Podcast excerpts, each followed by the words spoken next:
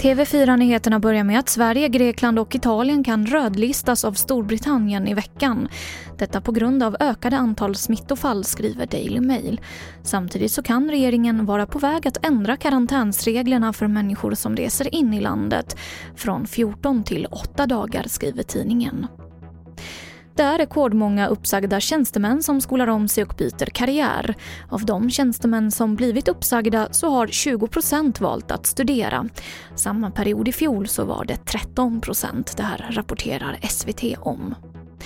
Och jag avslutar med att professor Björn Olsen nu kräver att munskyddstvång införs på offentliga platser och även inom kollektivtrafiken. Han menar att de senaste rönen kring coronapandemin visar att munskydd är effektivare för att bromsa smittspridningen än bara handtvätt och att hålla avstånd om man inte kan skapa fysiska barriärer med två meter så måste man skapa någon sorts barriär i alla fall för att minska risken för smitta. Och den absolut viktigaste smittvägen är just från luftväg till luftväg. Det sa Björn Olsen som är professor i infektionssjukdomar. Och det var det senaste från TV4 Nyheterna. Jag heter Emily Olsson.